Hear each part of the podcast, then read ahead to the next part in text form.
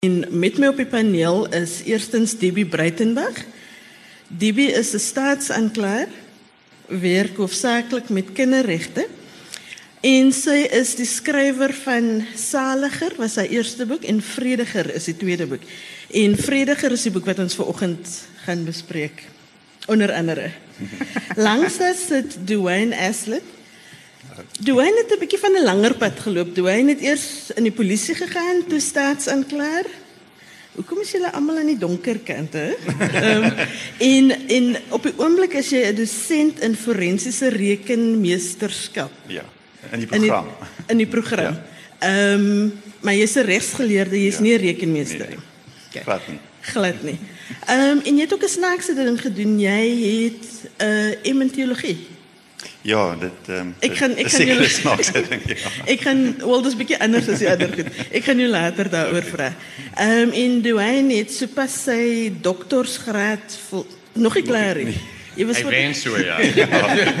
Hij eh, is uh, bezig met zijn doktersgraad. en, ehm, um, en jouw thesis zijn naam is um, Fighting Organized Crime in South Africa. Ja, Oké. Okay. En laatste, maar die niet minste, Andrew Brown... Andrew is ons Engelse paneellid. Ehm um, Andrew het ekskuus dis Dwayne se boek Goudduiwel. Ehm um, Dwayne se eerste boek was Skoppensboer.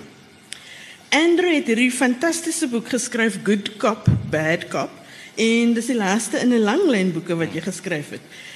Kom ons kyk gou-gou. Ehm um, jy het geskryf Inyenzi, Cold Sleep Lullaby, Refuge Solace en Devil Devil's Harvest en dan het jy ook Street Blues geskryf wat ehm um, dieselfde tema as as Good Cop, ja. Bad Cop. Ja. Ehm um, en jy's ook 'n uh, advokaat in die Hooggeregshof in Kaapstad. Dis reg, ja. Vertel gou vir ons bietjie meer van wat jy doen. Nou, ek weet jy het gesê jy jy doen bietjie impact litigation, maar jy's ja. ook met mediese ehm um, litigasie besig. Okay, ek gaan maar Engels praat anders sukkel ons heel heel saak. Um, so I'm an, I'm an advocate at the bar, and my main work is in medical work for hospitals. I represent state and private hospitals when they get into trouble. But we run a pro bono committee, um, so all advocates have to do a certain amount of pro bono work every year. And so we have a pro bono work that does child abuse and gender work. And that's really the focus of my work at the, at the bar. Um, and then I marry that with my police work. So I'm, I run the child abuse unit out of the Red Cross Children's Hospital. We do about 400 cases a year of serious child abuse that comes through the casualty department of Red Cross. Mm. And so I'm the case manager for all of those cases, making sure they go to the right place, making sure families are followed up, and that kind of thing. So that keeps me keeps me busy. So it's interesting that we're doing, Debbie and I are doing very similar kinds of work um, in child abuse. Uh, unfortunately, there is an enormous amount of it. Um, yeah. It feels a bit overwhelming at times, but yeah, that's that's the focus of my work. Of course, you both you're on the opposite sides of it when you go. Can be. So Can it's a bit of I'm I'm in a bit of a complicated position. So I'm have been I've been at the bar a long time. I used to do criminal work. I don't anymore. But I used to be a defense counsel, so I've represented rapists, I've represented murderers. And, now, and, now I'm, and now I'm also a cop, so now I try and catch them.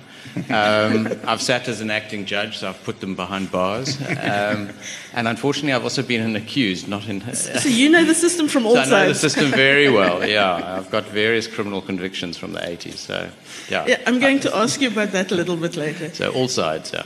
Um, DB, wanneer kry jy kans om te skryf? Man, ek skryf gewoonlik baie vroeg in die oggende. Ek skryf tussen 0:30 in die oggend en 0:30 in die oggend. Ek Anders het, is daar nie tyd nie. Ek het gesien in 'n serie onderhoud het jy gesê jy's 'n skryfvampier. Mm. Inderdaad.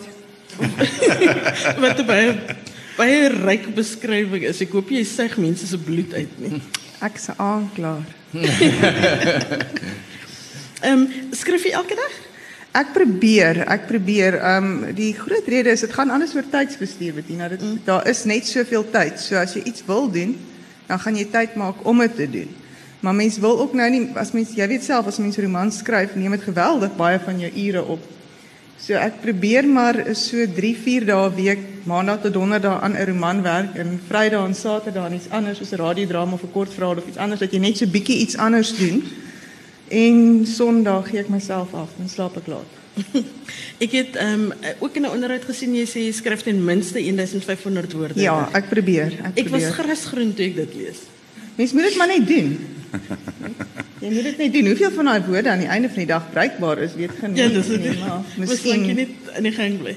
Dwayne, wanneer skryf jy want jy jy jy jy is besig met jou doktorsgraad. Ehm um, jy's 'n dosent, Huispa. huisba, ja, van van 'n koshuis. Ja. Ehm um, wanneer skryf jy? Definitief nie half 3 die oggend nie. Ek ook die 1500 woorde 'n dag. nie. Nee, nee, dis maar gewoonlik ehm um, vakansies ehm um, ja, meerendeels vakansies. Dis maar terapie. Jy weet, as jy, nou klaar is met die met die met die studente en dat jy nou opgehaal het hierdie hierdie kwartaal dan dan is dit terapeuties om daar te verdwyn in hierdie wêreld en Is dit jou manier van is dit jou idee van 'n vakansie? dit is ja. Dis eh, skerry. ja, dit ongelukkig vir vir Tammy is dit my my idee van 'n vakansie ja, so Mis, miskien moet ons haar ook vra. so nee, ek ehm um, dis dis maar wanneer mens tyd kry want in die kwartaal is dit maar besig en veral met die koshuis ook want as jy by die as jy klaar is met klas dan kom jy by die koshuis dan sit koshuisaktiwiteite wat jou besig hou so Ja. dis En hoeveel studente is aan jou koshuis? Uh, 260 Kos, mans, ja, so hormone met twee bene, dis dis maar wat hulle is. So dis 260 times 20 of iets. ja. Andrew, wanneer skryf jy? Want want jy het nou nog polisie reservis werk ook. Ja, en en drie kinders by die huis wat nou ook 'n bietjie tyd vat. Dis Ehm, um, effens groter al. Hulle is al groter, ja. Vir my is die is die antwoord hang af eintlik 'n ander of is 'n ander vraag en dit is hoe sien 'n mens jouself? As ek vir Debbie vra vir byvoorbeeld, wat is jy? Is jou antwoord ek is 'n skrywer? Of is jou antwoord nee, ek is 'n staatsaanklaer? Of is jou antwoord nee, ek is ek is 'n ma? Of wat is jou antwoord? Hoe hoe ernstig vat jy jou werk as 'n skrywer? Mm. En vir my is dit 'n hobby. Al het ek boeke geskryf wel oor die laaste 15 jaar. Vir my is dit iets wat secondary is amper. Uh, as jy vir my vra wat is ek, sal ek nooit vir jou sê ek is 'n skrywer. Um, so I write at night when I have time, when I don't have other things that are, are in the way. And I don't think that's a good way of being. I don't think that's a good way of writing. I think you should take it more seriously. You should say to your family, to your friends, ek is nou 'n skrywer en ek skryf nou en los my uit. But I write and then someone presses the bell and someone comes for a drink and my child has an Afrikaans problem or heaven forbid a maths problem. which case I send them somewhere else. Gaan vra vir jou ma. Um, you know, but one should take it more seriously. And, and, and yeah, I'm, I'm, I'm, I'm envious of, of someone like Debbie who can say, well, I block this time off because I don't. And I miss it. I love writing. I love that time when I'm writing, but I don't push things away to make that time. Did, do you seriously love writing or do you Yeah. enjoy the fact of having written? No, I hate the fact of having written. So the process much, it's the process. If, most- if I most- could write and nobody would read it, I'd still write. Well, most writers would say it's the other way around. They hate writing, but once the thing is there, it's good. No, for me, for me, there are two difficulties with finishing a book. The one is that it's going to go out there mm-hmm. into the public. And, that's a everyone's going to terrifying idea. It's a, I mean, particularly in a book like Good Cop, Bad Cop, which is all about me and my emotions and how I feel about what I've dealt with. It's a very personal, it's a very vulnerable book. Um, when I talk about it, I often end up crying because it's so personal. And yet, there it is in exclusive books, and anybody can pick it up and say, "Oh, well, this who's this person?" And I, you know, he can't write, or why is he such a wuss, or whatever, you know. so that's one part of it. It's very vulnerable making to put your book out there. And the other thing is, if it's no, if it's a novel, you've got to let go of the friendship that you have with your characters. And that is very, very hard. You live with your characters for maybe a year, maybe mm. two years, and then it's done. And unless you're doing a series, and I think that's why many of us write series because we just can't. I mean, Dion Mayer says he just can't let go of his main character, so he just reinvents him all the time. And I understand that. It's very hard Yeah. to actually then walk away from it and say, okay, putting you to bed, I'm going to do something new now. So for me, it's the process. Okay. Dibi, hoe doen jy jou navorsing? Ehm um, as as ek nou kyk na vrediger, ehm um, daar's 'n klompie verskillende goed wat wat dit duidelik is jy baie navorsing oor gedoen het. Ehm um, praat bietjie met ons oor jou proses. Man, ek is 'n vreeslike wye leser en ek is 'n vreeslike nuuskierige leser en ek is 'n internetmisbruiker. Misbruiker. 'n Misbruiker, ja. Ja. En ek um, met met verwysing na vrediger spesifiek dink ek jy verwys daarna die navorsing wat ek gedoen het oor die ridders. Nou toe ek vrediger geskryf het was dit uh die 800 ja 800 jarige herdenking van die Magna Carta. Ja, dit was nou nogal vir my 'n vreemde stimulus vir 'n boek, maar ek, Man, ja, ek dink jy sal as as jy vrediger mooi gaan lees, dan sal jy sien baie van vrediger gaan oor grondregte mm. en die die die die die konflik tussen die mense op die grond en hulle aansprake op grond waaroor die Magna Carta ook tot stand gekom het.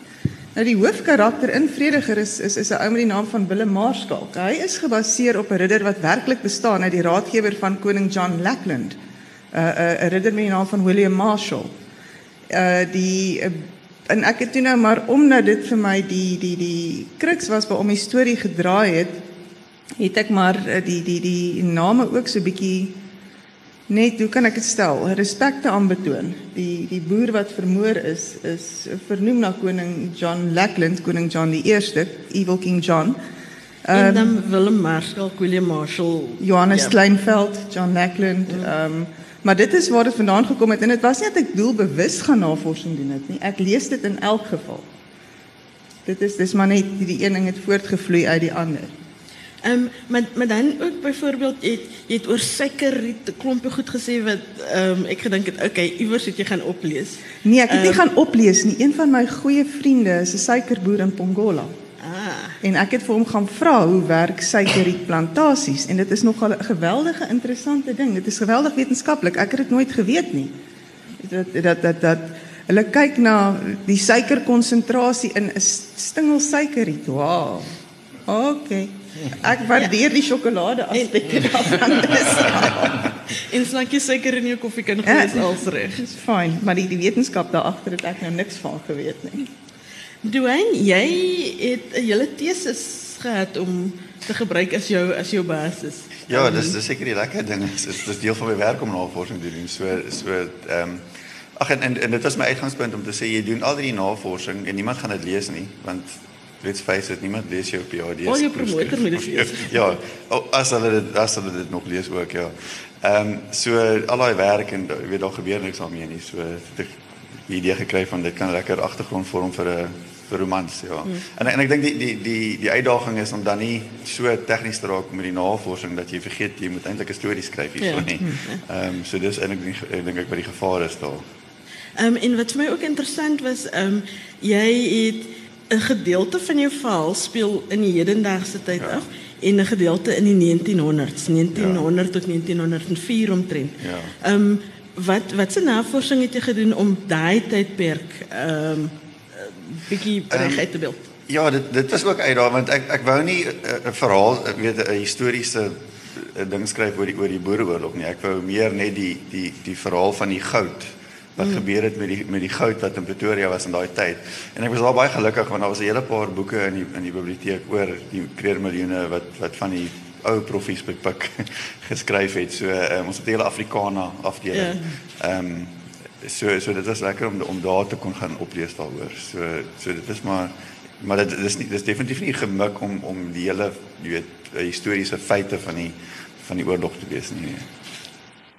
Andrew, ehm um, your book is non-fiction. Um, did you keep a diary or did you write as things happened? Uh, how did you decide which portions of the story you're going to put in the book and which you'd rather not? Um, what, what process did you follow? It's been quite an interesting process for me to write non-fiction because I much prefer writing fiction. And I wrote Cold Sleep Lullaby and it did, it did really well. And I wasn't taking myself seriously as a writer at, at, that stage at all. I still don't particularly. And, but the book did really well, and it was a bit intimidating, and I felt like I would never write again. It's quite strange that the you, way that works. I, yeah, I won the Sunday won, Time mm. Prize, Yeah. And I remember walking up to get the prize and thinking, well, I'll never do this again. I'm never going to write another word because I can't. It's very intimidating. That's it. Know, it's the end of it. And it was my second book and it was all over. And after a long time, I thought, okay, what I'll try and do is I'll try and write about myself as a police officer. Because that's going to be so easy. I've got all the stories. It's just about me. I don't have to make up other characters. And it'll be the easiest thing in the world. And I sat down and started writing nonfiction. And it's impossible. It's absolutely impossible to write about yourself because it feels so self indulgent. Mm. And it, every word that you say, you think, oh, you know, somebody's going to roll their eyes when they hear that. Or, it, yeah. And I find it very, very difficult. So after I wrote Street Blues, I didn't write any more nonfiction and I wrote more, more fiction. And then I came back to write Good Cop, Bad Cop just because I had so many stories that I had written. So when something happens on duty, the next morning I will write the bare bones of what happened. I wanted to try and make sure it's accurate as possible. Mm-hmm. And so eventually you have all of these stories without any padding to it, but just the outline of stories. And then I decided it was time to go through them and see if I can't put something together. You've got to also have a sort of a theme to it. You can't just throw out, you know, stories one after the next. Uh, so for me, there is a theme in Good Cop, Bad Cop, and I had to choose the stories that then fitted in with that with that theme. The next question I want to ask you specifically um, you experienced police work from the other side. You were arrested as a 19 year old, um, you spent time in jail. How did you go from, oh, and perhaps before people think you're a murderer, it was for political, koi, clip koi, clip koi. you, you were a political activist, and that was what Yeah. you were arrested for. Yeah. Um, you discuss it in the book, but could could you also just tell us why? What made you decide to, after having been on the receiving end of it, how did you go and decide to become a police reservist? It was a long, hard journey. So, as a 18 year old, I ended up in Polesmore in solitary confinement for a few weeks. And after that, became very radicalized. I joined the ANC underground. Um, got arrested a whole lot more times. I got a three year jail sentence for public violence, which uh, fortunately the sentence was overturned. So, I had a very stormy late teens and early 20s fighting the men in blue. Um, and then, uh, and, and what we wanted was democracy, and then we got it. And it's a bit like the dog that's been chasing the bus its whole life and then finally catches the bus. What, what on earth do you do with it now? um, so 94 came and we, and we had what we wanted. And it was interesting how that played out for all of my comrades from the ANC. Some, some people were politicians. People like Trevor Manuel and others went into politics and they were very, very happy there. But the vast majority of us weren't politicians. We were activists. And now there wasn't anything to be active about. And a lot of people got depressed. A lot of people left the country. I mean, it's, it's bizarre. You've got what you wanted. But I know people who had nervous breakdowns. I know people who went farming because they just couldn't cope anymore, didn't know what to do with their lives. And a lot of us looked around and said, okay, what do we do now? And I did firefighting, and I went to the SPCA, and I worked in an orphanage, and none of it felt like it was the right thing for me. And then This, in, this was now on top of your legal work. on top of my legal work, yeah. Just looking for a place to put that activism back in. And then in 1998, a friend of mine said, but the police force, which is traditionally been white and male and an apartheid supporting security structure, is now supposed to be our new democratic police force. Mkonto Wesizwe soldiers have been integrated into it, and it's you know, it's an impossible task, and that's really where we need to be putting our efforts is to get the police force transformed and get it working properly. And I'd never even contemplated that.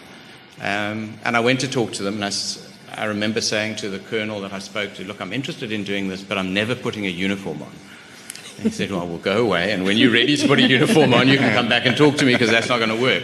And then I went back to him a few months later and said, Okay, I'll put the uniform on, but I'm not carrying a gun. He said, Go away and come back when you're ready to carry. When you're ready to be a policeman, come back. But until then, go away. And it took me months, months and months and months. Eventually, in 1999, I went and said, okay, let's try this. I'm not making any promises, but let's try. And the first day I put that uniform on was a very interesting day, um, very hard day. But I don't regret it for a moment. It's been And you put amazing. gun on.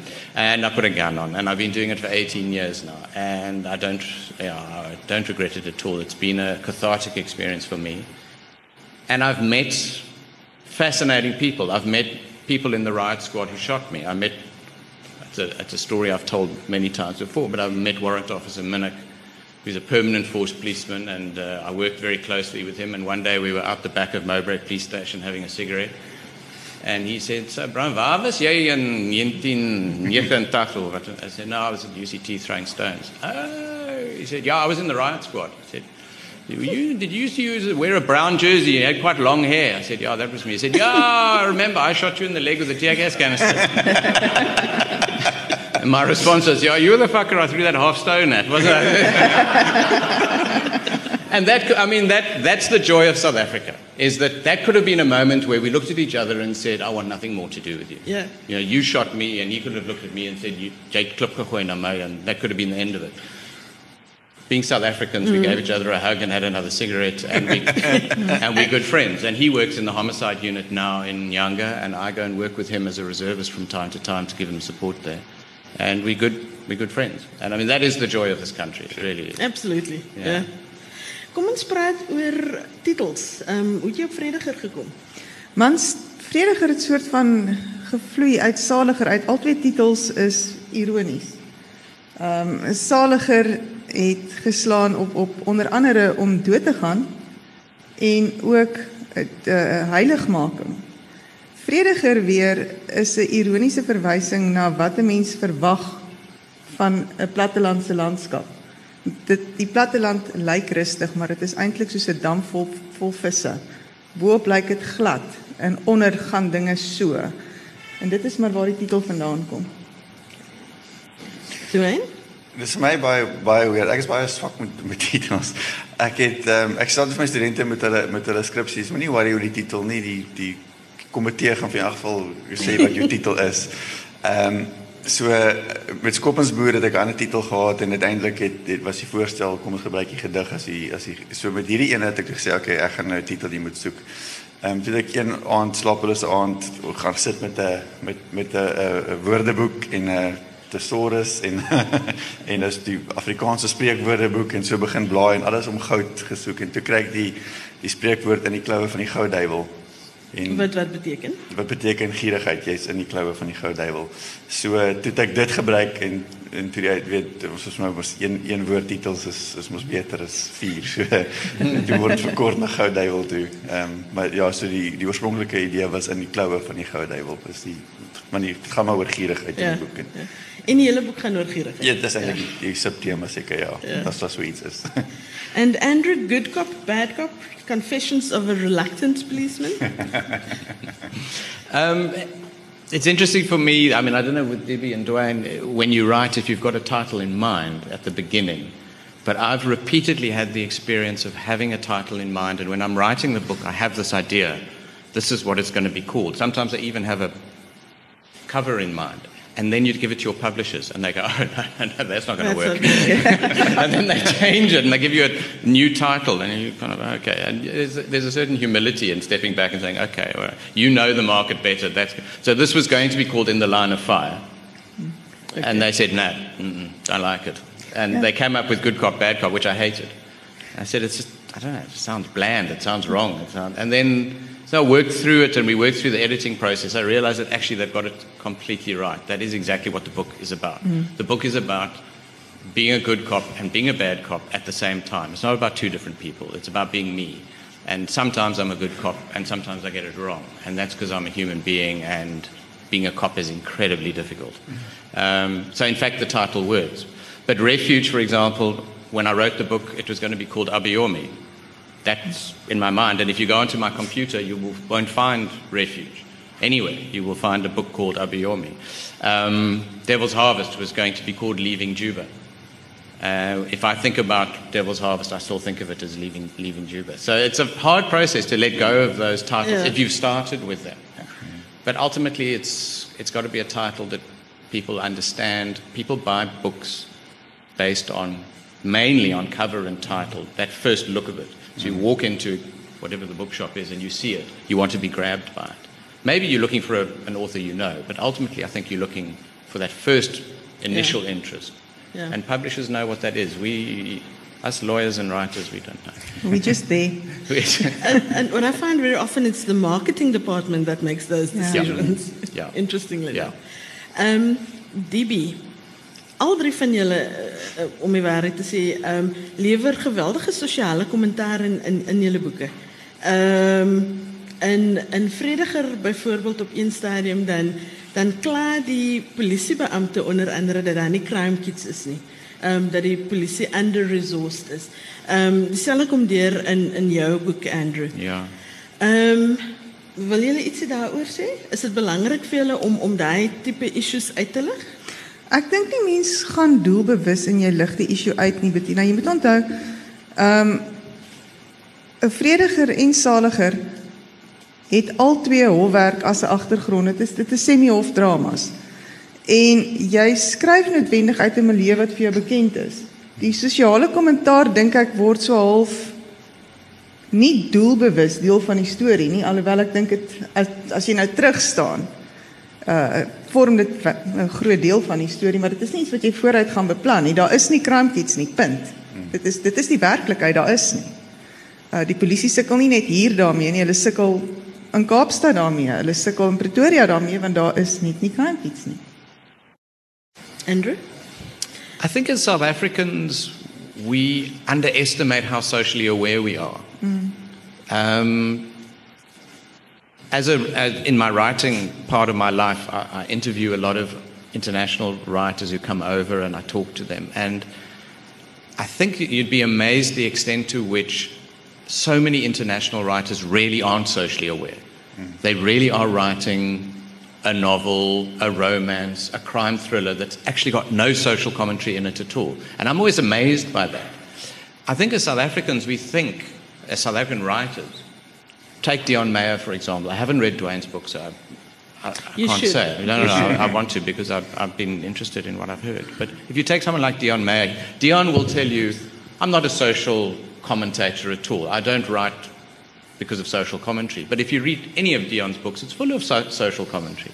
As South Africans, we can't get away from it. We are so socially aware of the issues that our country, and that's marvelous for me. Mm. That you know that we can't write product kind of books. I, interv- I won't tell you his name, but I interviewed an American writer who's possibly one of the most successful, financially successful crime writers in the world. And he his said. initials are not JP. Yeah.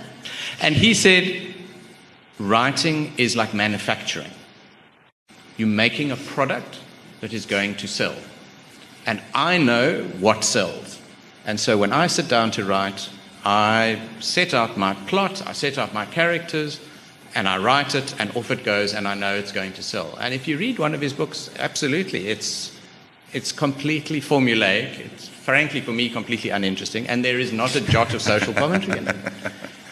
But uh, I think we underestimate just how aware we are and how in touch we are with social issues as South Africans. And I think that's brilliant. Wat ek interessant gevind het van jou boek Dwayne is ehm um, op op 'n stadium is jy besig om en ek weet nie of dit doelbewus was nie, miskien moet jy nie daaroor praat om om oor die witman se angs oor sy plek in die samelewing. Ehm um, dit kom bietjie deur. Ehm um, kan kan jy iets van jou hoe jy, hoe jou kop gewerk het toe jy daaroor geskryf het? Ja, ek ek dink ehm um, dis dis soos soos Andrew gesê het, jy skryf van wat jy weet. Ehm um, en en obviously op die Pik kampus ja. Is jy is jy baie bewus daarvan? Ehm um, ek ek is baie gelukkig in daardie opsig. Ek was op Mafikeng kampus vir 4 jaar. So so ek het nie weet daar party van van die van die mense wat die pik is is nou al 20 jaar daar. Ehm um, so vir hulle is dit nou wat gebeur nou? Wat gaan aan? Jy weet so so dis vir my lekker om te kan terugsit want ek het die ander belewenis gehad op die Mafikeng kampus waar waar teens Elof daar gekom het as fisiekanselier en ek praat nou seker 'n bietjie uit die huis uit, maar ehm um, jy weet Ag, maar dit gaan net op kamera geneem word as wel. waar ek waar ek van die Mafikeng se perspektief af kon sien, maar hierdie is nou 'n potch persoon wat nou die fisiekanselier is en wat wat gaan met ons gebeur hier op op Mafikeng? Jy weet ek was daar op die senaat so ek kon dit beleef.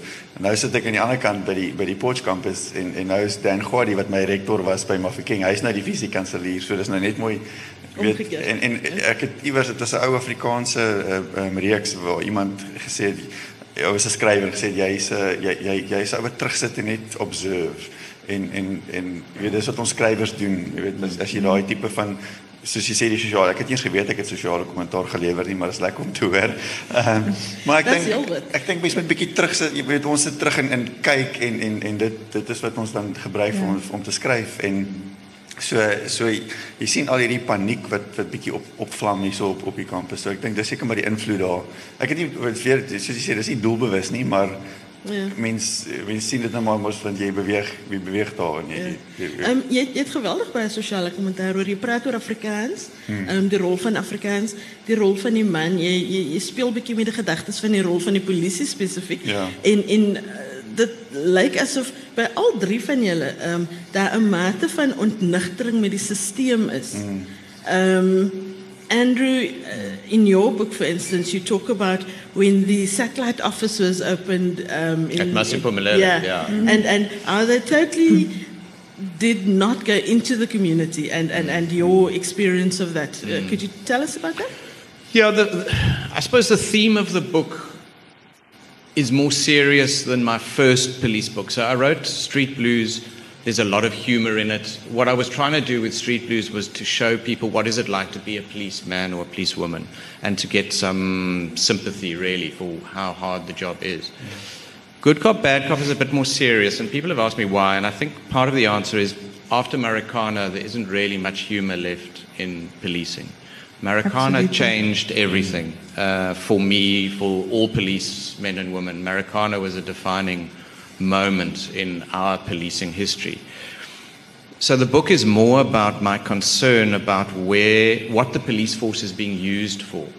That we're increasingly being used to quell social discontent. So what we're supposed to be is a police service, and that means you're meant to be in the hmm. community helping communities better themselves. That's what it says in the Constitution. That's that's our purpose in hmm. life, is to assist with the betterment of communities. And if then Masipumalele was a community I was very involved in. And Masi, which if you don't know, it's a township just outside Komaki.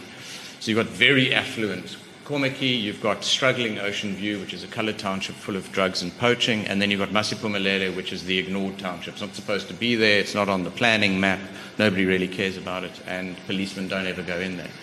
And so they got angry, understandably, and they started burning tires and eventually they started burning boats and all kinds of interesting things on the road that goes past to. And we were called in to quell the riot. And when I spoke to community protesters and said, Why are you doing this? They said, Well, we never see a police officer in our community. But the moment I burn a tire on the road to Komaki and nobody can go and get their coffee from the Vida Cafe, then I start seeing police officers. So every day I'm going to burn a tire and every day I'm going to see policemen in my community. And that for me was a very telling comment. Um, and eventually, very slowly, the politicians got to work and they said, okay, we'll open a satellite police office in Masipumalele. And I was the first commanding officer of that little. It was actually a. a It was a mobile It was a mobile unit, yeah. So it was basically a delivery truck um, that we turned into a police station. One of the constables said, "Well, that's good because we can drive it out of here if we need to." Um, there's a certain amount of cynical humour in the police force. But what was so annoying for me was that there was the the opening of this satellite police station in Masi, and it was a bigger moment, and we all got called up to come and come and go there. But uh, the opening didn't happen in Masi. The opening, because Masi was too dangerous for the high level politicians and the high level police officers to go. So the station was actually o- driven to a school outside Masi that was much safer, and it was opened there. And the deputy minister of police, who I refer to in the book as waddling, so I'm waiting still to get, to get into trouble for that, waddled across with her scissors and cut the ribbon. And my constable standing next to me said, Ah, well, there's all our problems solved now, of course. Um, and then she waddled back into her gold Audi and left. And, uh, and then we drove this little, this little mobile unit into Masipumalele to start policing Masi. and were any of the community at the opening? No. Um, they were supposed to be bussed in, but um, it was on a Friday morning, so those people who had work were at work. And those people who had children were looking after their children. And so there was nobody from Massey. So it was full of DA and ANC politicians jockeying for like whose idea was this and who gets the credit for this satellite police station. I do hate politicians. So. Um, what just I mean it's a long story, but just to finish that story, what was what was incredible was that there were three of us on duty that first morning. So Massey's been burning for weeks and weeks and weeks. Um, and now there's this little satellite police station, and there are three of us on duty, me and two constables. I'm a sergeant. So now we've got to decide. Okay, so now how do we how do we police? What do we do? How do we stop ourselves getting killed? Quite frankly, and uh, what we did is we took our guns off and put them in the safe. We went to Ocean View and we put our guns in the safe, and we came back unarmed. And we took our bulletproofs off and we left them in the station and we locked this little mobile unit and we did foot patrol. And we did a day's foot patrol unarmed with no bulletproof in Massey. And it was possibly one of the best policing days of my life. And we got nothing but accolades. We got nothing but hugs. We got nothing but, would you like some tea? Come inside. Who are you? What are you doing here? Haven't seen a policeman on footbeat here before. And that became the policing model for Massey for the weeks that I was in charge of that station. So it was an extraordinary experience, but also a troubling experience in terms of the politics of it. Ja. DB jy en Dwayne praat albei in julle boeke of julle lewe lewer kommentaar op prokureurs. Ehm um, jou karakter ehm um, Willem wat 'n prokureur is, sê op 'n stadium hy is maar net die agent vir die lewendes en die dooies. Inderdaad ja. Ehm um, Hy praat namens hulle. presies maar maar ehm um, want want dis 'n baie eintlik baie siniese manier om te kyk daarna. Man, ja, ek kyk vegter vir reg en geregtigheid. Ek dink 'n mens mens begin as 'n kampvegter vir reg en geregtigheid en dan kom jy agter as die tyd verbygaan. Jy raak 'n spreekbuis vir jou kliënt. Ek wil hulle sê mos pro- eh, geen verwysing na jou nie. Dit is by aanklaers grappie as ek dit so kan stel. Prokureurs is soos 'n jukebox. O, okay. Ja, solank as wat jy geld ingooi, sing hy prokureurs en advokate. Ehm um, maar Ek en Andrew doen albei pro bono weer. ag ek is so Baie, lief vir baie. julle. Ja. Kom nie 'n sent nie. Maar ja, Willem is geweldig sinies. Ek dink almal van ons wat 'n lang tyd of 'n lang genoeg tyd in die howe rond beweeg, begin 'n sekere mate van sinisme ontwikkel want jy kom agter niemand is so moreel goed as wat hulle dink hulle is nie en niemand is so moreel sleg as wat hulle dink hulle is nie. Almal is maar permanent besig om hierdie hierdie hoe kan ek dit noem soos soos 'n koordanser. Jy loop die koord Mm. die hele tyd. En as 'n mens te veel morele waarde heg aan 'n aksie na die kant toe of na daai kant toe, dan verloor dit ook maar sy betekenis. So wat Willem doen is as jy dood is, dan hanteer hy jou testament. As jy lewendig is, gaan verdedig hy jou in die hof. Maar maar hy sê ook iets baie interessant oor geregtigheid op 'n stadium dan vra maar is Ketiwe, dis nou die jong vrou wat vermoor was in die Suikerland goed. Ehm um, is haar geregtigheid dan nou anders as Johannes Kleinveld se? Inderdaad. Um, wat wat wat wat oor die regstelsel spesifiek kommentaar lewer. Spesifiek, dit gaan oor oor oor oor Johannes Kleinveld is 'n geweldige vermoënde boer en hy word vermoor op sy plaas. En daar is ek soveel uit polisiemanne, speurders, forensiese deskundiges wat Klonja in die dorpie nou kon oplewer is almal daar om hierdie moordenaar te vang. Ketiwe is Johannes Kleinveld se plaaswerker. Sy op sy huiswerker. Sy word vermoor in 'n suikerrietland. Sy en al wat gebeur is die polisie kom al die lijk. Met ander woorde werk dit vir haar anders omdat sy arm is as wat dit vir Johannes Kleinveld werk omdat hy ryk is, moet sy met minder tevrede wees en ek dink dit sluit aan by wat Andrew nou vertel het van van van Massey. Mm, Jy Absoluut. weet, is is dit is dit is maar 'n uh, 'n vraag wat mens aanhoudend bly vra. En is frustrerend as jy in die stelsel is. Ongelooflik, jy het geen idee met hoe min die mense op die grond tevrede moet wees nie. Ja. Wel ek dink jy het, maar die meeste mense het nie. Ehm um, ek ek werk nou veral met met uh, indigent kinders. En dit is verstommend met wat se swak sorg van die staat, wat se swak sorg van die stelsel af hulle tevrede moet wees. En hoeveel van hulle deur die stelsel in die steek gelaat word. Dit dit dit dit, dit dryf my teen die mure uit. Ons gaan glad nie oor die grants nou praat hoor, want dan sit 'n gesprek op Ja. sy Ek praat glad nie oor grants hier nie Bettina. Ek praat dood eenvoudig oor die diens wat hulle kry in 'n strafstelsel. Nee, Hulle kry dit net nie. Ja, nee, ek verstaan.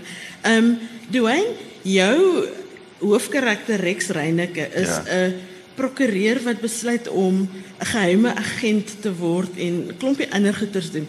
Ehm um, maar op 'n stadium sê hy sy kantoor, sy prokureurskantoor het leer gevoel as wat Ehm um, ek kan nou nie presies onthou nie, dit het so leeg gevoel die vier mure as Ja. wat dit was voordat sy vrou daar toe sy vrou nog gelewe het. Ja. Ehm um, daar's geen vervulling vir hom in sy werk nie. Ehm um, as was dit 'n vroeë midlife crisis vir hom of Nee, ek ek dink ek dink dis ook maar daai jy weet wat ek gesien het in die polisie en en toe ek nog aangekla het, ek ek dink dis nou baie anders en ek dink dit dit is ongelukkig ook wat die polisie mee mee bietjie sukkel. Dis daar was 'n vreeslike kameraadskap veral in die spesialiseenhede. Jy weet toe jy nog die die sanaps en die voertuigtak, jy weet daai ouens het 'n hengse kameraadskap gehad en ons as aanklaers ook. Jy weet die streekhof aanklaers het 'n groot kantoor gehad wat ons almal gedeel het. So jy het jou sake bespreek en en daai is ek dink daai is siniese ehm um, view van die van die prokureur se daai jy weet ek het 'n kollega gehad wat na 'n beskuldig toe gegaan het wat nog onverteenwoordig was. Toe sê hy van hoorie gaan jy vir jouself lieg of gaan jy een van hierdie ouens vra om vir jou te lieg? Ehm um, en en ek dink dis waar daai daai siniese dis dis nou maar daai kameraadskap weet en en en, en die ek die prokureur het dieselfde met ons gehad. ek wou nou net sê Ja. ons het ook ons stories. ja. So so ehm um, maar maar dit ja dit, ek dink dit- was um, dit was nice om te beleef daai daai daai kamera. So ek dink dis maar dis maar waar dit vandaan kom en jy het altyd as aanklaer gevoel jy is deel van iets bietjie groter as as as jou salaris einde van die maand. So ek dink dit was maar ehm um, en ek moet sê die die die ander ding was dat jy was gesien altyd gesê jy's 'n officer of the truth. So jou jou werk as aanklaer is om die die hof by die waarheid uit te bring. So ek kon nooit verstaan as aanklaer is 'n skuldbevinding kry dan is almal geluk met daai met daai skuldbevinding. En vir my was dit soos 'n hoekom mens hom geluk het sy werk gedoen, het gekom waar die waar die waarheid is. Dis as dit 'n onskuldbevinding was, moet jy ook hom sê geluk want dit was ook die waar, jy weet, uitkom by die waarheid, maar so daai ek dink daai daai is maar net bietjie sinies wat siniese view wat kom uit daai uit daai ondervinding uit van daai kameraadskap die Ja. aanklaers. Ehm um, maar wat julle nie besef nie is ons het presies dieselfde iets Ek- afgeleer om die wêreld voor op te bring. Ek hoor dit ja. En dan lag hulle. Ja. jou Rex Reyneke anders as ehm um, Andrew se polisieman wat se vangwa langs die pad amper gaan staan. Uh hy is 'n karfreak en hy het allerlei vinnige karre. Vertel vir ons 'n bietjie daarvan. Is is dit 'n belangstelling van jou of Ja, dis seker maar 'n bietjie persoonlike, maar ag ehm ek moet sê ek het ek ek het was in begin baie bekommerd daaroor om dit te doen. Dit is jy weet dit, dit kan bietjie klise wees, maar ehm um, ek nog ek is maar karfreak. Ek 'n tydskrif gelees waar iemand gegaan het en gekyk het nou na voertuie of karre wat 'n karakter hoofkarakter vertolk het. Mm -hmm. weet iets soos ehm um, Stephen King se Christine uh, Chitty Chitty Bang Bang van ehm um, Ja. Ian Fleming. Ehm um, so so eh, vir my ek probeer, ek weet nie of dit reg kry nie en, en as jy moet vra is dit dalk nie.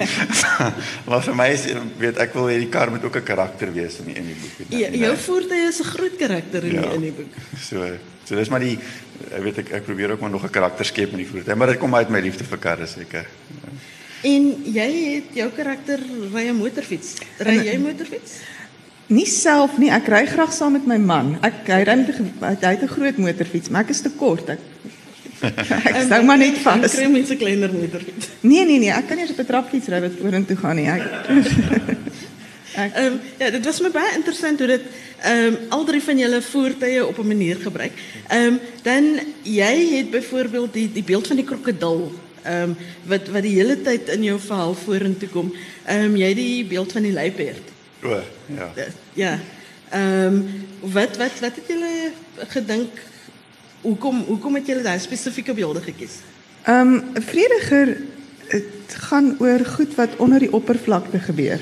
Nou in ons area ehm um, ek bly in 'n area van die land wat wat uh, mense dink ek oordryf maar is regtig so. Daar is mense wat olifante op hulle plase het. Hulle het 'n goeie vriend van ons olifant het nou dag in Olundi se hoofstraat opgeëindig want hulle breek deur die drade. Ehm um, maar krokodille en luiperds, daar's baie uh, natuurreservate, ons is naby Mosambiek, uh, ons is naby Kosibaai. Dit is dit is jou verwysingsraamwerk. En die interessante ding van 'n krokodil is jy sien hom nie. Jy sien hom net glad nie. Jy, jy kan jy kan tot dit te laat is. Ja. En dit is maar basies uh, vir my metafories van wat wat waaroor die storie eintlik gaan, oor daardie goed wat onder die oppervlakte gebeur. Om terug te kom na titels, so interessant genoeg want hierdie was so 'n simpel titel. Die werkende titel vir Vrediger was die evolusie van krokodille. Toe sê my uitgewer vir my nee, en so net jy weet, dit gaan nie werk nie. Hulle gaan nie die boek in die fiksie afdeling soek nie. Ja. Uh, ja, ja, dit dit hulle gaan dit langs Dave Peebles. Ja, daar daar iewers. Ja, ja. Ja, ek dink myne ek het ook maar die natuur metafories probeer gebruik oor as my leopard spesifiek is dis heeltyd met Neil Kamfer word hy gekonnoteer en en dis as ek maar tweeledig leopard never changes its spots dis mos maar ja, Engels en en ehm um, jou een karakter sê dit op 'n stadium ja, leopard never changes. Ja. Januarie ja. Ja en daar's die ou storie mos van die van die padda en die skorpioen wat ja, die, ja. Die, so so jy weet ek ek dink Neil Kamfer sal seker nooit sy sy natuur kan verander uh, maar hy's 'n fantastiese karakter want jy weet net hy gaan nou iewers gaan net droog maak en jy wag vir die volgende ding om te kom. Ja ek moet sê dat jy vir my gunsteling karakters om te skryf want hy's hy's Ja. Hy is so kompleks en conflicted. Ja. Ehm um, maar jou Rex Reyneke is ook geweldig conflicted op 'n manier. Ja, ek sukkel met hom, ek moet sê. Ehm um, ek dink mense moet afstand kry van jou karakters en en en en ek ek wil glad nie hê mense moet dink ek is weet dis dis ek daai nie. So en en so ek probeer so ver as moontlik weet ek iemand anders gesê dis hy is vir my soos ek het nooit 'n ouer broer gehad jy weet en al my pelle het ouer broers gehad wat dan opgekyk het op skool jy weet so 2 jaar ouer en hy is die hero so vir my is Rex die fiksionele ouer broer wat alles kan doen wat ek nie kan doen nie jy weet okay. hy ry goed be, beter karre as ek hy hy beklei beter as ek uh, daai tipe goed so so ehm um, so ja dit is maar maar en mense moet maar die om die karakters interessant maak ja absoluut ehm um, jy het gekies om uh sal ons ook noem 'n oudtydse man as jou hoofkarakter te kies met met regtig argaïese idees uh, en ek sê dit met alle respek oor vroueregte. Ehm um, Willem sê byvoorbeeld op 'n stadium lyk soek is nou nie vir 'n vrou nie.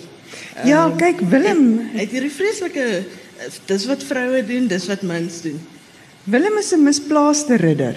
Jy weet hy's heeltemal uit tyd en plek uit. Hy hy hy hy's 'n produk van hulle sê mos as jy wil weet hoe iemand is, dan moet jy nie kyk wat die tydsgees nou is nie. Jy moet kyk wat die tydsgees was 20 jaar voor die persoon gebore is. En Willem is 'n produk van Afrikaner opvoeding in die 40s en 50s. Hy het so groot geword en en en en vrouens is nie veronderstel om te werk nie, hulle is nie veronderstel om prokureurs te wees nie, hulle is nie veronderstel, hulle moet net daar wees. Hulle moet net hulle moet net poppies wees en time and time again kry Willem op sy Moses want hy's hy's heeltemal misplaas. Hy's in die verkeerde tydsgreep. Nou nou wat het jou beweeg om so 'n man as 'n karakter te kies? As jou hoofkarakter te kies. Want jy's 'n verligte vrou. Ehm um, met baie sterk idees oor vroueregte.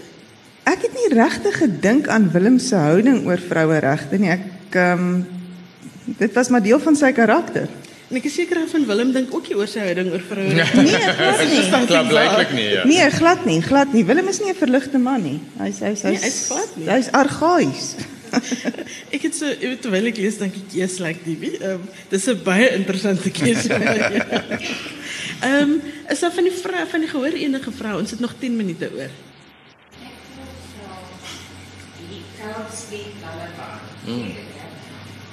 Mm.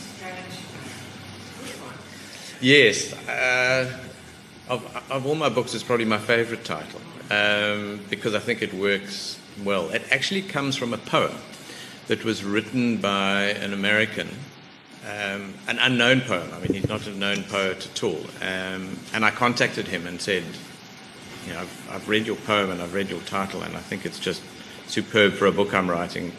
Would you allow me to use it? And fortunately, he was generous enough to say, so long as I acknowledge him, which I did, um, I can do it. So that's where the title comes from. yeah, and that that yes. Once I had that, nobody was going. Marketing weren't wasn't going to touch that one. They fiddled with every other one, but that one they weren't. And in Yenzi, in Yenzi, I got was my title because I self-published in Yenzi. So it was my first book, and uh, I wrote it as in Yenzi in my mind, which is the word for cockroach, which is what was the, the, the, the word of abuse that was used in the Rwandan genocide. So that's why it's called in Yenzi. It's about the Rwandan genocide. It's, it's set there. And, and when I took the manuscript to various publishers, they all gave me the same response, which was, yes, no, this is very nice, but nobody's going to read it. And so eventually I self published, and it did incredibly well. Um, and then Cold Sleep was published, and then I said to my publisher, you must please edit, give, it in, give in Yenzi a new cover. I mean, it used to, because you self publish, you take it to some fairly cheap publish, uh, printer who then puts it together. And somebody said they really enjoyed in Yenzi. It was a book in different parts. There was a part in the bathroom, and then there was a part in the kitchen, and then there was another part in the bed. Basically, the glue at the back just all broke open. Um, so the publisher republished with a new cover and everything, but my condition to them was you have to keep the title, uh, which, which, which they did. But titles are an issue. Yeah. No? Nee mevrou, as jy as jy nie direkte belang daarbey het nie, gaan hulle jou nie toelaat om dit te lees nie. Behalwe as jy die beskuldigde is, dan kan jy Ja, as jy beskuldigde is, dan gaan jy afskrif daarvan kry. Mm?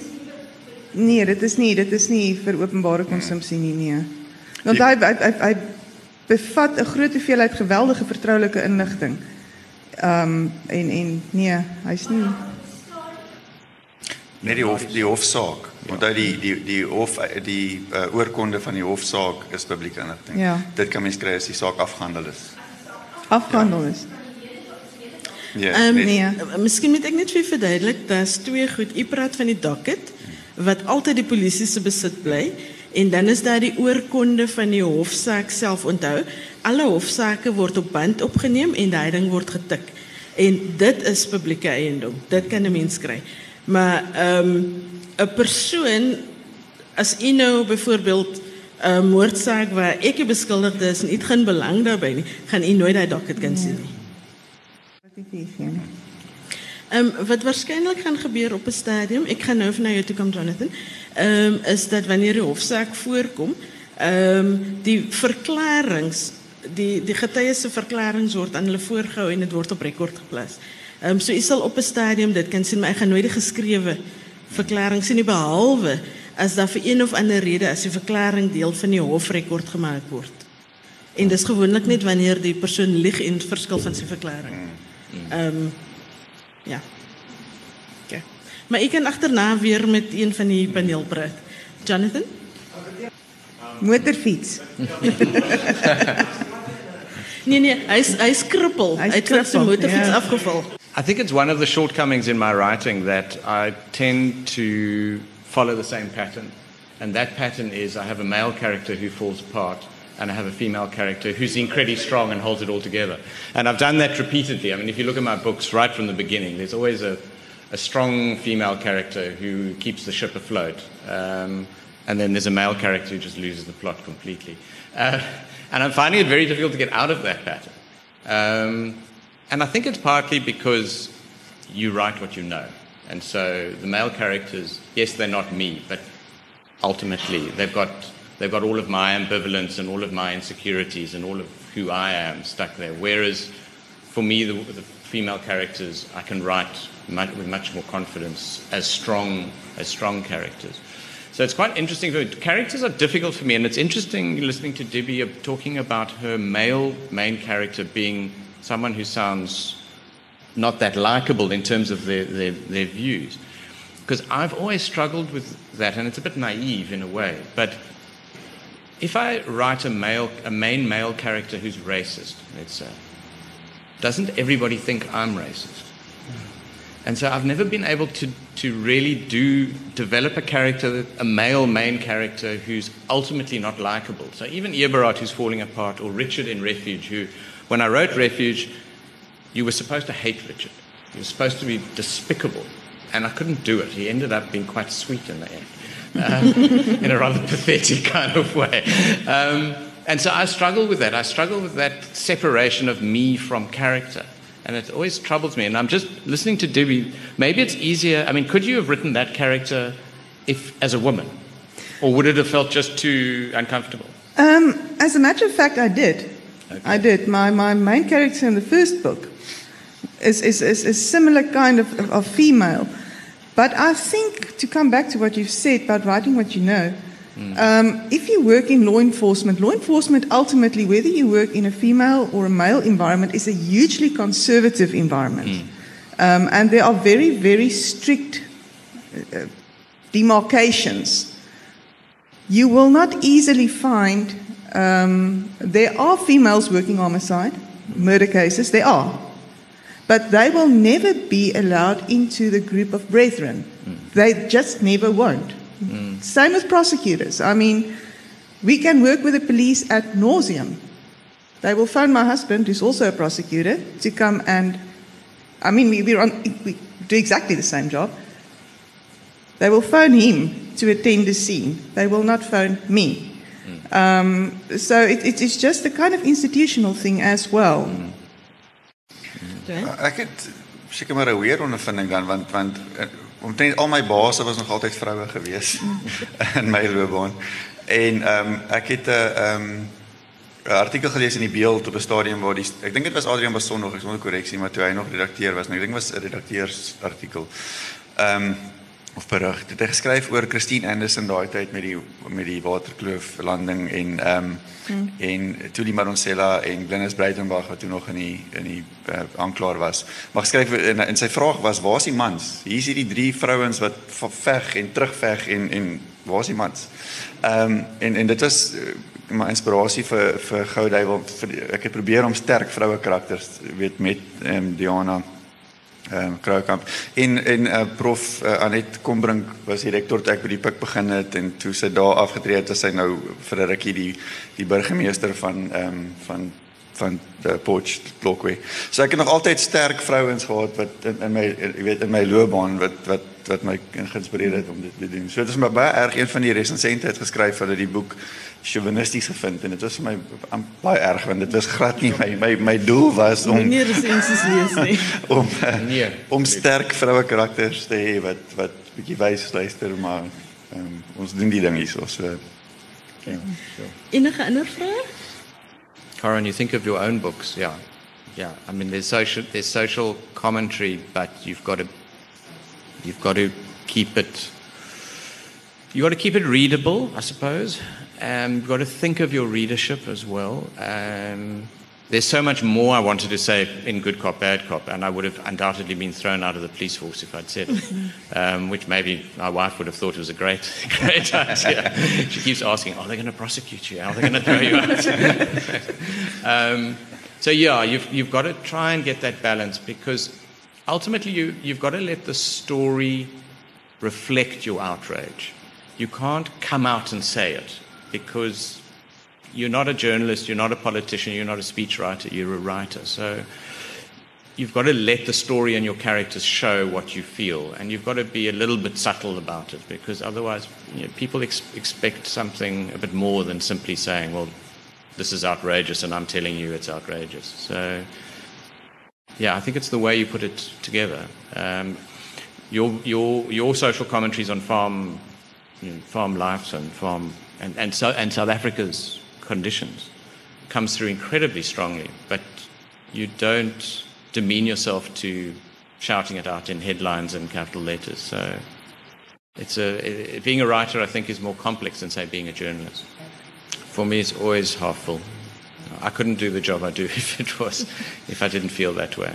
Um, you walk into the Red Cross Children's Casualty Unit, if your glass isn't half full, Don't go there. Empty. Don't go there. Ja.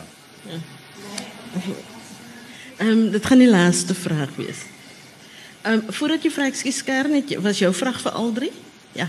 Ehm um, so kan hulle net antwoord dan gaan ek jou vraag toelaat Malien. Ek um, moet aansluit by by Andrew hierso as jy nie Kom ek stel dit andersom.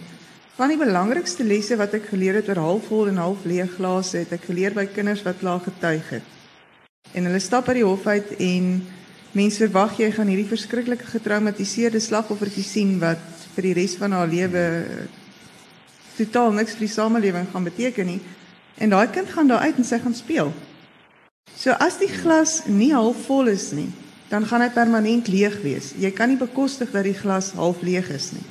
Hy moet half vol bly. Dit is hoe ek dit sien. Dwayne? Ja, ek ek definitief al vol. Ek en en dis is interessant. Elke keer as mens negatief raak en jy begin voel, eers ons ons verloor hierdie ding, dan ontmoet jy iemand wat jou net inspireer en sê luister, weet wat jy laat dink, jy wat ons is ons is nog geraai, ons is op die op die regte pad. So ja. Ja. Ehm um, Marlene, laaste vraag. Nee, nee. Hy wil niks weet nie. Hy sê ek verveel hom. Ehm um, kyk Andre glo nie daaraan om fiksie te lees nie. Hy weier. Hy sê as hy wil gaan fiksie lees dan sal hy hy sê wat drama aanbetref in elk geval sê hy, hy lees elke dag 'n stapel dossiere. Hy het nie nodig om nog drama te hoor nie. Maar ek sou hom bitter graag wou gebruik as 'n klankbord en partykeer sê ek vir hom goed, dis quid pro quo. Gaan sit jy nou stil. Dan luister jy na hierdie paragraaf en ruil daarvoor sal ek vir jou kos maak vanaand anders is dit takeaway.